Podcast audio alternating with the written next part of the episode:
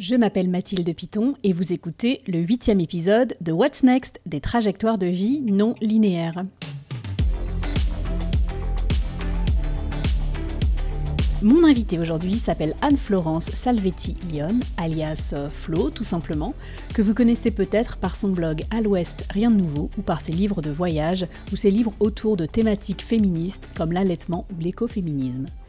J'avais très envie de lui parler parce que je la suis depuis des années pour son travail d'autrice et de journaliste et j'avais envie d'éclaircir ma compréhension euh, sur sa trajectoire de vie professionnelle et personnelle.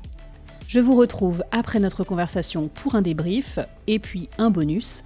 Place à Flo. Salut Flo, je suis hyper content de te recevoir aujourd'hui.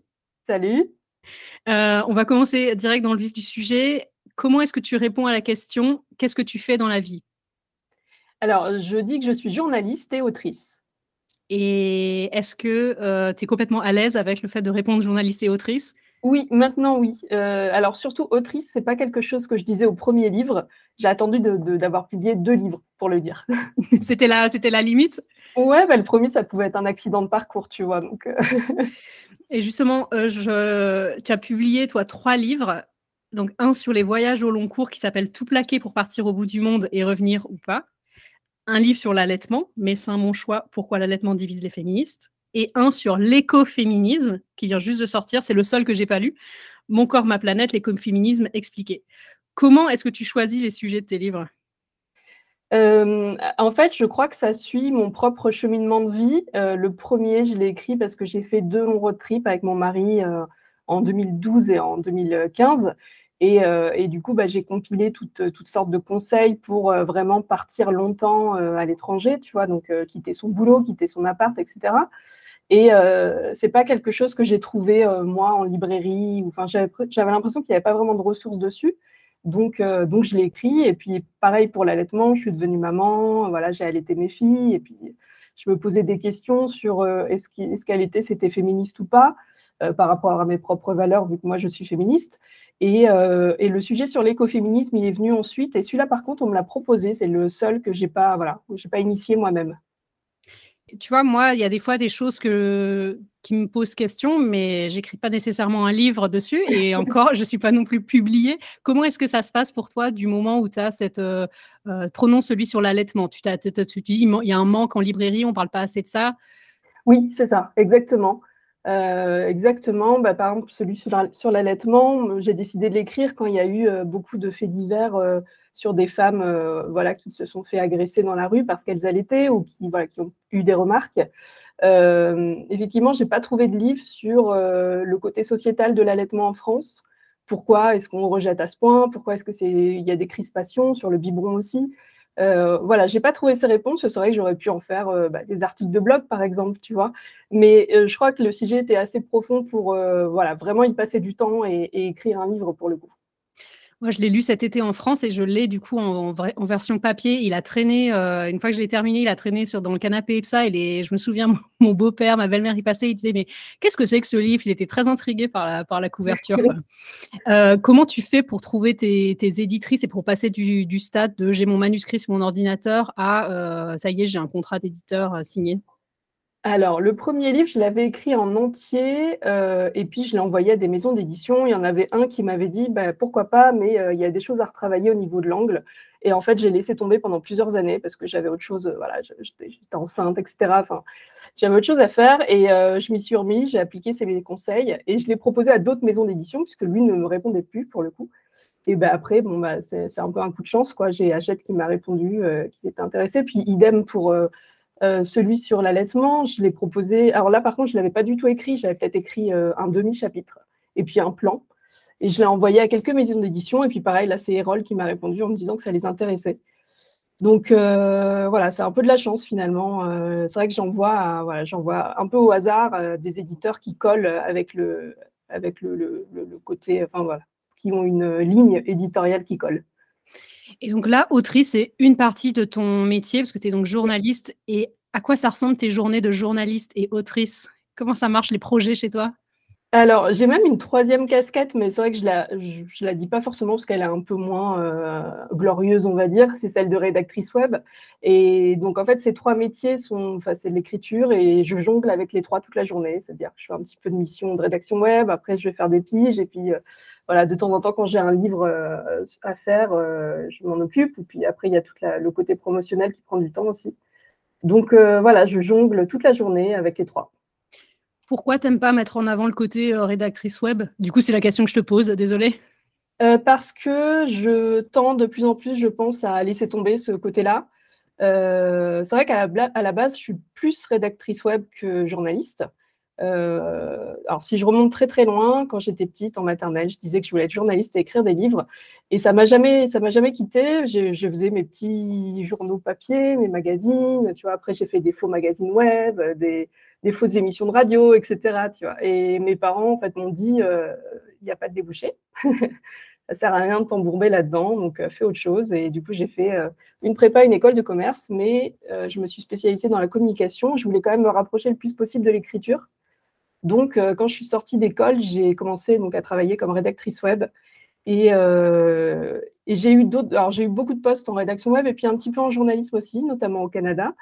Et puis, j'ai à un moment, j'ai décidé de ne plus être salariée parce que ça ne convenait pas du tout. Et j'ai hésité du coup entre devenir pigiste ou heu, créer mon entreprise de rédaction web et comme j'étais quand même un peu plus à l'aise et je me sentais plus crédible, heu, dans cette facette-là, j'ai commencé avec cette entreprise de rédaction web qui va avoir 5 ans bientôt et les 4 premières années, j'ai fait que ça. Donc le côté, heu, pige est venu après.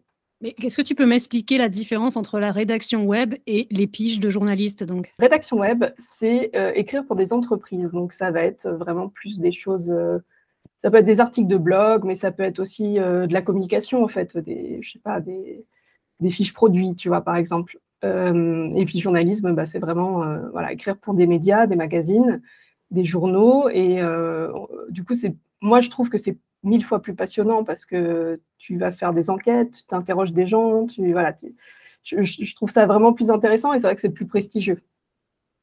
Que la rédaction ouais, ouais. Ouais. Hem, tu as d'abord été salariée, tu l'as mentionné très brièvement, heu, avant de devenir freelance. Qu'est-ce qui t'a décidé à te lancer, heu, en indépendante? Alors, j'ai jamais supporté, d'être salariée. Ça veut dire, des horaires, des horaires fixes, beaucoup d'heures de transport parce que j'habite en région parisienne, et surtout avoir un boss au-dessus de soi et ça, c'est quelque chose que j'ai jamais supporté. Donc j'ai toujours eu l'idée, de me mettre à mon compte, mais j'osais pas me lancer et finalement, bah, c'est un incident malheureux qui m'a mis sur la voie puisque je me suis fait harceler par ma boss, heu, quand j'étais enceinte de ma première fille et heu et alors là, j'étais juste incapable, en fait, de de retourner, heu, travailler après ma grossesse. Donc j'ai fait une rupture conventionnelle et j'ai lancé ma boîte.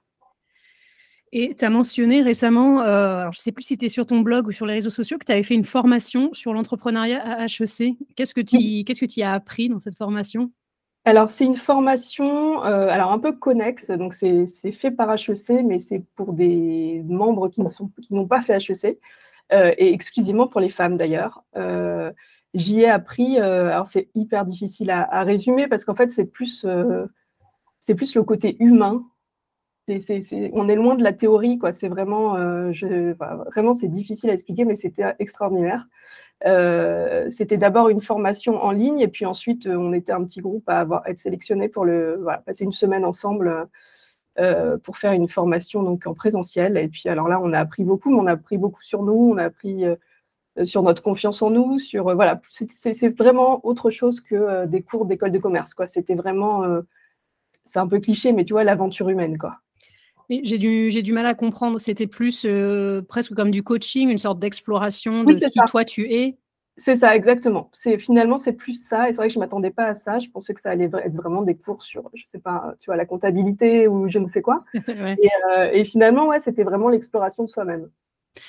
Quand tu as quitté ton je re je repars un peu en arrière, mais quand tu as quitté, heu, ton ton boulot de salarié, quand tu as fait ta rupture conventionnelle et que tu t'es de en indépendante, qu'est-ce que comment tu imaginais que ça allait être le métier et comment ça a été concrètement? Je m'attendais à ce que ce soit plus dur. Je pensais que je trouverais jamais de clients, voilà, pour moi, c'était un truc temporaire, genre je tente parce qu'il faut que je le tente, mais je vais forcément revenir au salariat derrière et finalement, en allez, les bon, les 2-3 premiers mois, j'avais pas de clients. Et puis ensuite, bah, ça s'est lancé. Quoi. Donc, donc j'ai été agréablement surprise finalement. C'était plus simple que ce que je pensais. Et aujourd'hui, tu dirais que c'est quoi les aspects J'ai l'impression que pour toi, les aspects positifs, c'est cette flexibilité dans les horaires. Tu n'as pas de boss, mais tu as quand même des clients finalement. Oui, c'est ça. J'ai des clients, mais la relation est vraiment différente. On est d'égal à égal. Hein. On n'est pas, il n'y a pas quelqu'un au-dessus de soi. Donc effectivement, c'est cette flexibilité au niveau des horaires, parce que je, alors par exemple, moi je suis pas du tout du matin, donc j'ai beaucoup de mal à me mettre à travailler le matin. Euh, donc euh, je travaille le soir, par exemple. Tu vois, je travaille l'après-midi, puis je me remets à travailler quand mes filles sont couchées. Je peux travailler le week-end si je veux. Je peux prendre, voilà, au niveau des vacances, je prends ce que je veux. Euh, et effectivement, je suis la seule maître à bord, quoi. Je maîtresse à bord, donc je, fais ce que je veux. Qu'est-ce que tu dirais que sont les, points plus négatifs? Si moi, je, moi, en fait, à titre personnel, je trouve que la difficulté, c'est euh, de prendre du recul sur mon activité et d'avoir euh, quelqu'un avec qui euh, discuter régulièrement. Alors, je discute beaucoup avec mon mari, mais c'est pas c'est pas tout à fait la même chose. Moi, ce qui me manque, ce serait d'avoir d'être plus dans un espace un espace de coworking, quelque chose, comme ça. Comment toi, tu vois les difficultés? Est-ce que tu as cette difficulté aussi? Non, je n'ai pas cette difficulté et je n'ai pas tellement de collègues, entre guillemets, avec qui discuter de ça, mais ça ne me manque pas. Donc voilà, non, c'est vrai que du coup, moi, ce n'est pas quelque chose qui me manque. Et ce serait quoi, du coup, pour toi, les difficultés ou les points plus négatifs de ce travail? Alors, les points négatifs, euh, c'est déjà de. Bah, là encore, on est seul maître à bord, donc il faut se mettre un coup de pied aux fesses pour euh, vraiment euh, tenir ses missions, faire sa comptabilité, etc. Après, moi, ce n'est pas quelque chose qui me plombe particulièrement. Sinon, c'est la précarité. Parce que voilà, d'un mois à l'autre, on ne sait pas si on va réussir à dégager un bon chiffre d'affaires. globalement, je gagne moins que quand j'étais salarié, clairement. Euh, et, également, bah, par exemple, quand je veux prendre des vacances, euh, bah, je n'ai pas, pas de revenus pendant mes vacances. Comment ça s'est passé pour tes congés maternité, justement? Parce que je ne sais pas comment ça se passe en France. Tu as quand même le droit d'avoir des. Tu es quand même rémunéré pendant, tes... pendant ton congé. Ça, ça se passe comment? Alors, le premier congé mat, j'étais encore salarié. Et le deuxième, j'ai eu beaucoup de chance parce que je crois que ça venait tout juste de passer, euh, le fait qu'on ait, qu'on ait un congé mat exactement comme les salariés. Donc, j'ai eu vraiment, voilà, j'ai euh, alors, ça se passe en deux fois. Il te donne un congé mat tous les mois en fonction de ton chiffre d'affaires. Alors, il fallait avoir fait trois ans d'entreprise, un minimum de je ne sais plus combien de chiffre d'affaires, et j'étais tout juste au-dessus. Donc, j'ai eu beaucoup de chance. Et euh, il te donne aussi, je crois, l'équivalent de 3 ou 4 000 euros divisé en deux que tu as au début de ton congé mat et à la fin pour te pousser à le prendre en entier. Ok. il il fallait pas me le dire deux fois. Donc, euh, donc finalement, c'était bien. Mais parce qu'en plus, en entier, c'est pas très très long en France quand même, non? C'est pas euh, c'est 4 mois. mois. mois? Oui, c'est un peu moins de 4 mois, ouais. Bon, c'est toujours mieux que rien, mais c'est vrai que ça. J'ai discuté euh, avec une amie qui sera aussi dans le podcast euh, juste avant toi. C'est c'était c'est un an pour elle au Canada, donc c'était. du coup, tu as mentionné rapidement cette idée de la précarité. Aujourd'hui, tu gagnes ta vie avec ton activité, quand même. Oui, oui, oui. Euh, depuis, la, depuis, la, première année même, mais c'est vrai que je gagne moins que quand j'étais salarié. Tu m'avais déjà dit que tu voulais, euh, via un questionnaire que j'avais envoyé en septembre, tu m'avais dit que tu, tu, voudrais laisser tomber ces contrats, euh, ces contrats alimentaires. Euh, comment est-ce que tu les, comment est-ce que tu gères justement la partie contrat alimentaire de ton, de ton travail? Émotionnellement Est-ce que tu te forces? Est-ce que ça te stresse? Est-ce que ça t'est égal? Ou tu dis c'est je dois en passer par là? Je dirais aucune de ces réponses. Euh, je pense que je, le fais, euh, enfin, c'est pas, ça me pèse pas non plus énormément, tu vois. J'aimerais à terme, effectivement, euh, faire vraiment que, de, que du métier passion. Et là, c'est pas de la passion, mais ça reste assez facile à faire et puis ça me permet de manger. Donc voilà, pour l'instant, je, m'en acquitte, il n'y a pas de souci et puis on verra pour le futur. Et est-ce que tu penses, moi je, te le pose parce que c'est aussi une question que je me pose en ce moment, est-ce que tu penses que le métier passion en tant qu'autrice, c'est une accumulation de livres intéressants, c'est le livre qui d'un seul coup marche super bien, c'est ensuite, comment ça, marche financièrement pour euh, se dire ouais maintenant c'est un truc qui roule quoi, à ton avis quoi? Alors pour vivre euh, du métier d'auteur, euh, je pense que c'est très compliqué. Je pense pas du tout en, vivre un jour. Hein. Moi, je pense du journalisme, mais pas, du côté autrice, parce qu'effectivement, tu, touches très très peu en fait. Hein. Moi, je, touche, je crois à peu près un euro par livre, voire même pas. Le premier, c'était beaucoup moins, je crois. Donc, euh, donc il faut en, vendre énormément. Et puis, euh, je pense aussi que plus tu en écris et plus tu négocies ton pourcentage euh, voilà, de plus en plus élevé. Et mmh, donc voilà, je, pense qu'il faut effectivement bah, faire un best-seller, quoi, et puis, euh, et puis continuer à surfer là-dessus par la suite, mais je ne pense pas que ça m'arrivera.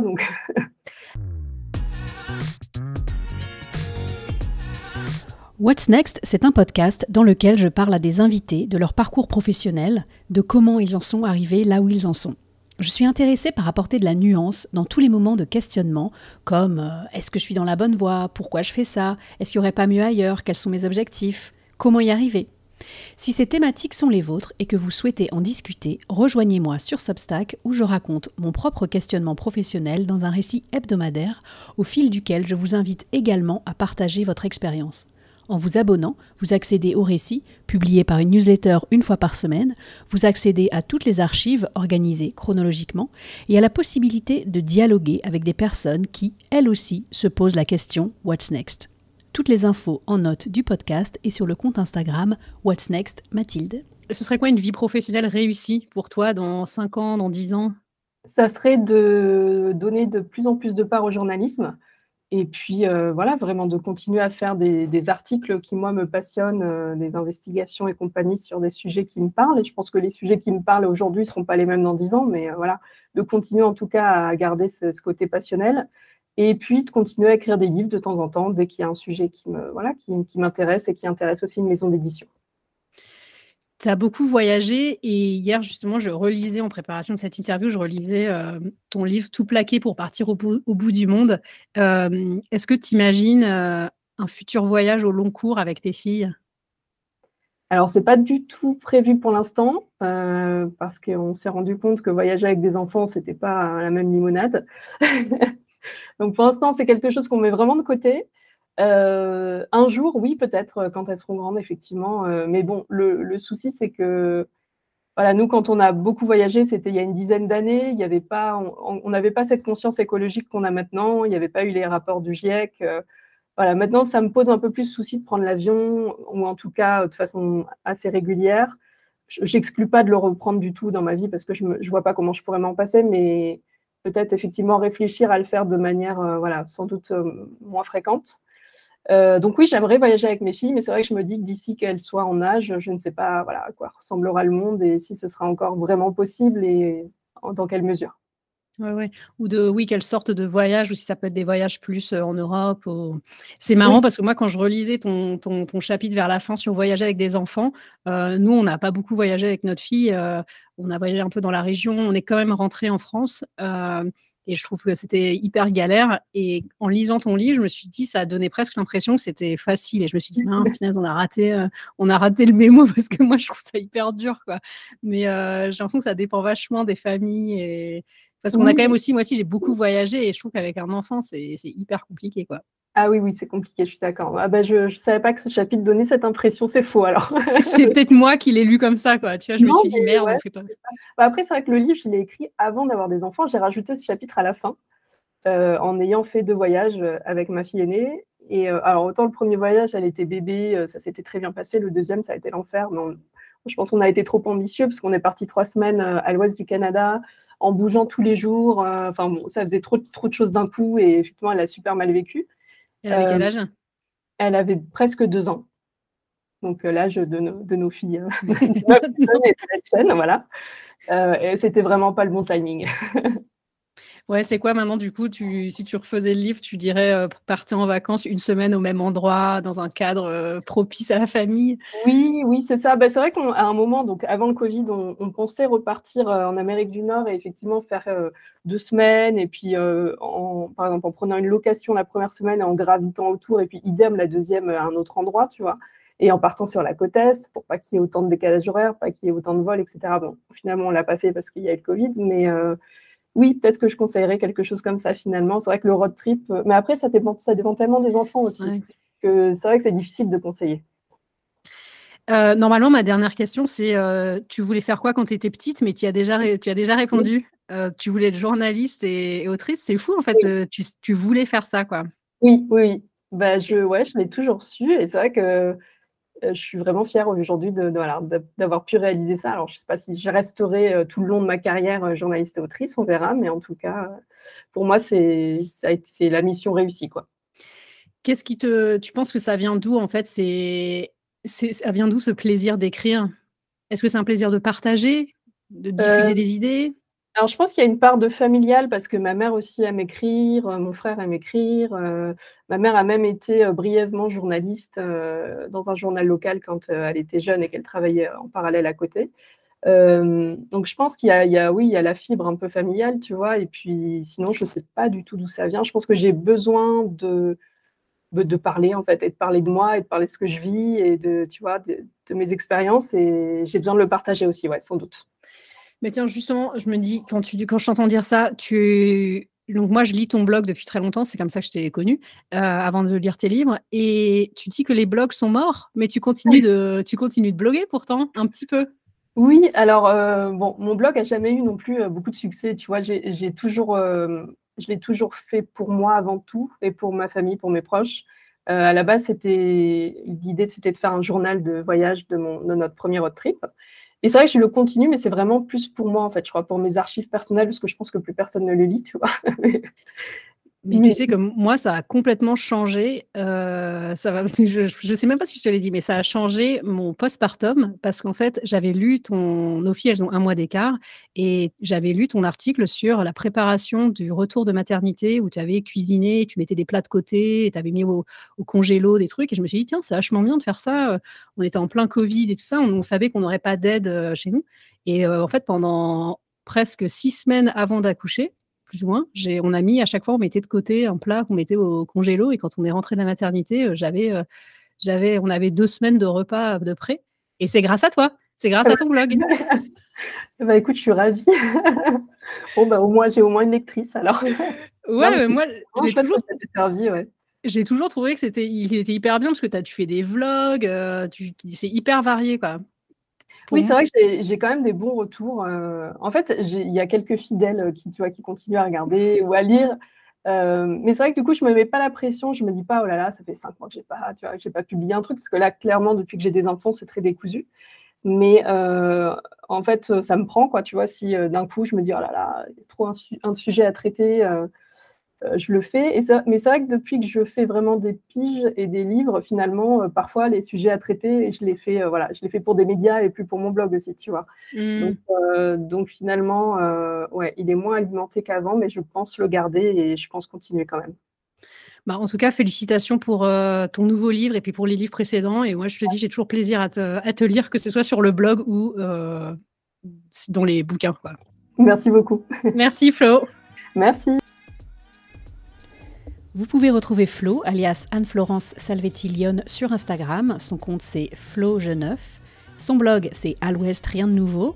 Et puis, dans ses livres, en librairie, je mettrai toutes les références dans l'article en lien avec son podcast sur Substack. Et puis, euh, sur Instagram, je mettrai toutes les références pour que vous puissiez la retrouver. J'ai beaucoup aimé notre conversation, la confiance que Flo dégage sur son activité professionnelle. C'est rassurant d'entendre quelqu'un parler de ce métier passion avec calme et optimisme. Et puis, c'est vraiment intéressant de voir comment elle fait évoluer euh, son métier au fil des années en fonction de ce qui euh, l'intéresse plus. Vivre de ce métier, gagner sa vie avec l'écriture, c'est un sujet dont je pourrais parler pendant des heures. Et d'ailleurs, je parle plus en détail de mon expérience sur le sujet dans le récit What's Next. Donc rendez-vous sur Substack pour en savoir plus et surtout pour en discuter comment on combine les missions, qu'est-ce qu'on priorise, comment est-ce qu'on a confiance en l'avenir? Ce sont des sujets qui, qui, me passionnent en tant que freelance pendant des années, même si mon activité a pas mal évolué euh, récemment. Donc j'ai retrouvé quelques similarités avec Flo. Euh, moi aussi, quand j'étais petite, je faisais mes petits journaux papier que je distribuais à mes sœurs sous leur porte de chambre. J'avais une émission de radio que j'appelais Mathilde Radio, enregistrée sur mon magnétophone rouge Fisher Price. Ça m'a rappelé de bons souvenirs de l'entendre parler de ça. Alors j'enchaîne avec ma question bonus du jour dans mes DM Instagram. Parce que je vous ai demandé quel était votre rapport à l'écriture, la question était la suivante.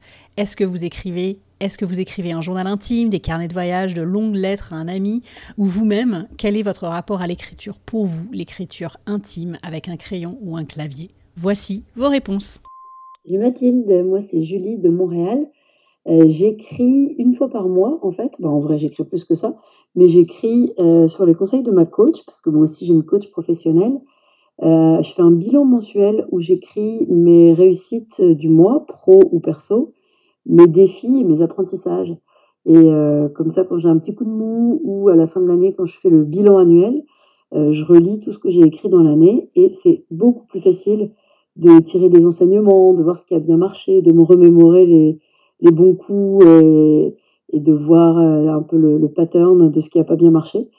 Et ça m'aide vraiment beaucoup et c'est la première fois que je réussis à m'y tenir tous les mois pendant un an. Donc je suis bien contente d'avoir euh, réussi à noter tout ça cette année et ce petit cahier m'est hyper, hyper précieux. Salut Mathilde, alors c'est Tiffaine, j'habite en France, en Savoie, et je suis maman en ce moment même. J'aimerais tellement écrire je me suis dit qu'il fallait que je le fasse là, avec la naissance du petit, tenir un petit euh, cahier intime, je pense, pour euh, essayer de ne pas oublier justement toute cette période qui est très dure pour moi. Voilà, après non, je n'écris pas de lettres à des amis.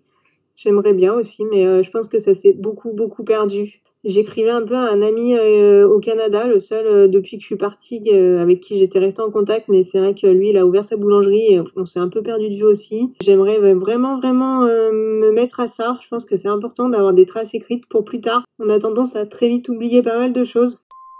Coucou Mathilde, moi c'est Ophélie, j'ai 32 ans et je t'envoie ce petit message depuis Édimbourg en Écosse où je suis aide à domicile. Alors les carnets en version papier, c'est toute ma vie. J'ai un journal intime dans lequel j'écris quand j'en ai envie, mais surtout j'ai des dizaines de carnets de voyage où je mélange des récits, des dessins, des photos, souvent euh, rédigés et préparés sur le vif pendant mes voyages. Euh, j'ai aussi le blog qui est clairement un carnet de notes slash voyage euh, virtuel et récemment, j'ai repris plusieurs de ces carnets que je tiens depuis mon arrivée euh, au Royaume-Uni en 2014 pour euh, les arranger et les transformer en espèce de euh, roman graphique sur ce que c'est vraiment de vivre à l'étranger. Donc voilà, les, les carnets, c'est vraiment quelque chose qui m'accompagne depuis très très très longtemps et c'est une habitude que je ne compte pas perdre Merci beaucoup à Julie, Tiffen et Ophélie d'avoir pris le temps de m'envoyer un DM Instagram. J'aime bien cette idée du carnet de gratitude slash bilan de fin de mois, of course. J'adore le carnet pour se souvenir de tous les détails. Je suis une carnet addict. Et Ophélie écrit ce roman graphique. J'ai hâte de le découvrir. Quelle entreprise créative. Franchement, j'adore. Félicitations. Pour participer au prochain podcast, j'attends vos réponses à la question suivante. Où vivez-vous et aimez-vous l'endroit où vous vivez? Si vous avez quitté votre pays natal, imaginez-vous y revenir un jour. Vous vous en doutez, ça va, être, un des prochains thèmes développés dans What's Next, le lieu où on vit. Je continue l'exploration de tous les thèmes qui sont autour du travail, c'est-à-dire euh, tous les thèmes des choix de vie. J'attends euh, vos témoignages parce que moi je vais raconter mon histoire dans le récit What's Next disponible sur Substack. Et euh, vous, eh bien, vous pouvez partager votre histoire directement là-bas vous pouvez aussi partager vos anecdotes ici, dans les DM Instagram. Enfin, je veux dire, dans les DM Instagram. Et puis, dans le prochain épisode, eh bien, on parlera de ça avec mon invité, du lieu de vie. Enfin, pas que de ça, mais un peu de ça aussi. Je m'appelle Mathilde Piton et vous venez d'écouter What's Next, des trajectoires de vie non linéaires. Si cet épisode vous a intéressé, si vous avez des choses à ajouter, si vous avez envie euh, de m'écrire, de raconter votre histoire, vous savez ce qu'il vous reste à faire. Vous vous inscrivez à What's Next, substack.com. Si les thèmes euh, des choix de vie et de la carrière sont les thèmes qui vous passionnent, eh bien, rendez-vous là-bas. On se retrouve euh, dans deux vendredis pour un prochain épisode de podcast et puis tous les vendredis pour un nouveau récit pour vous abonner, soutenir mon travail, participer, rendez-vous sur whatsnextmathilde.com. Bye bye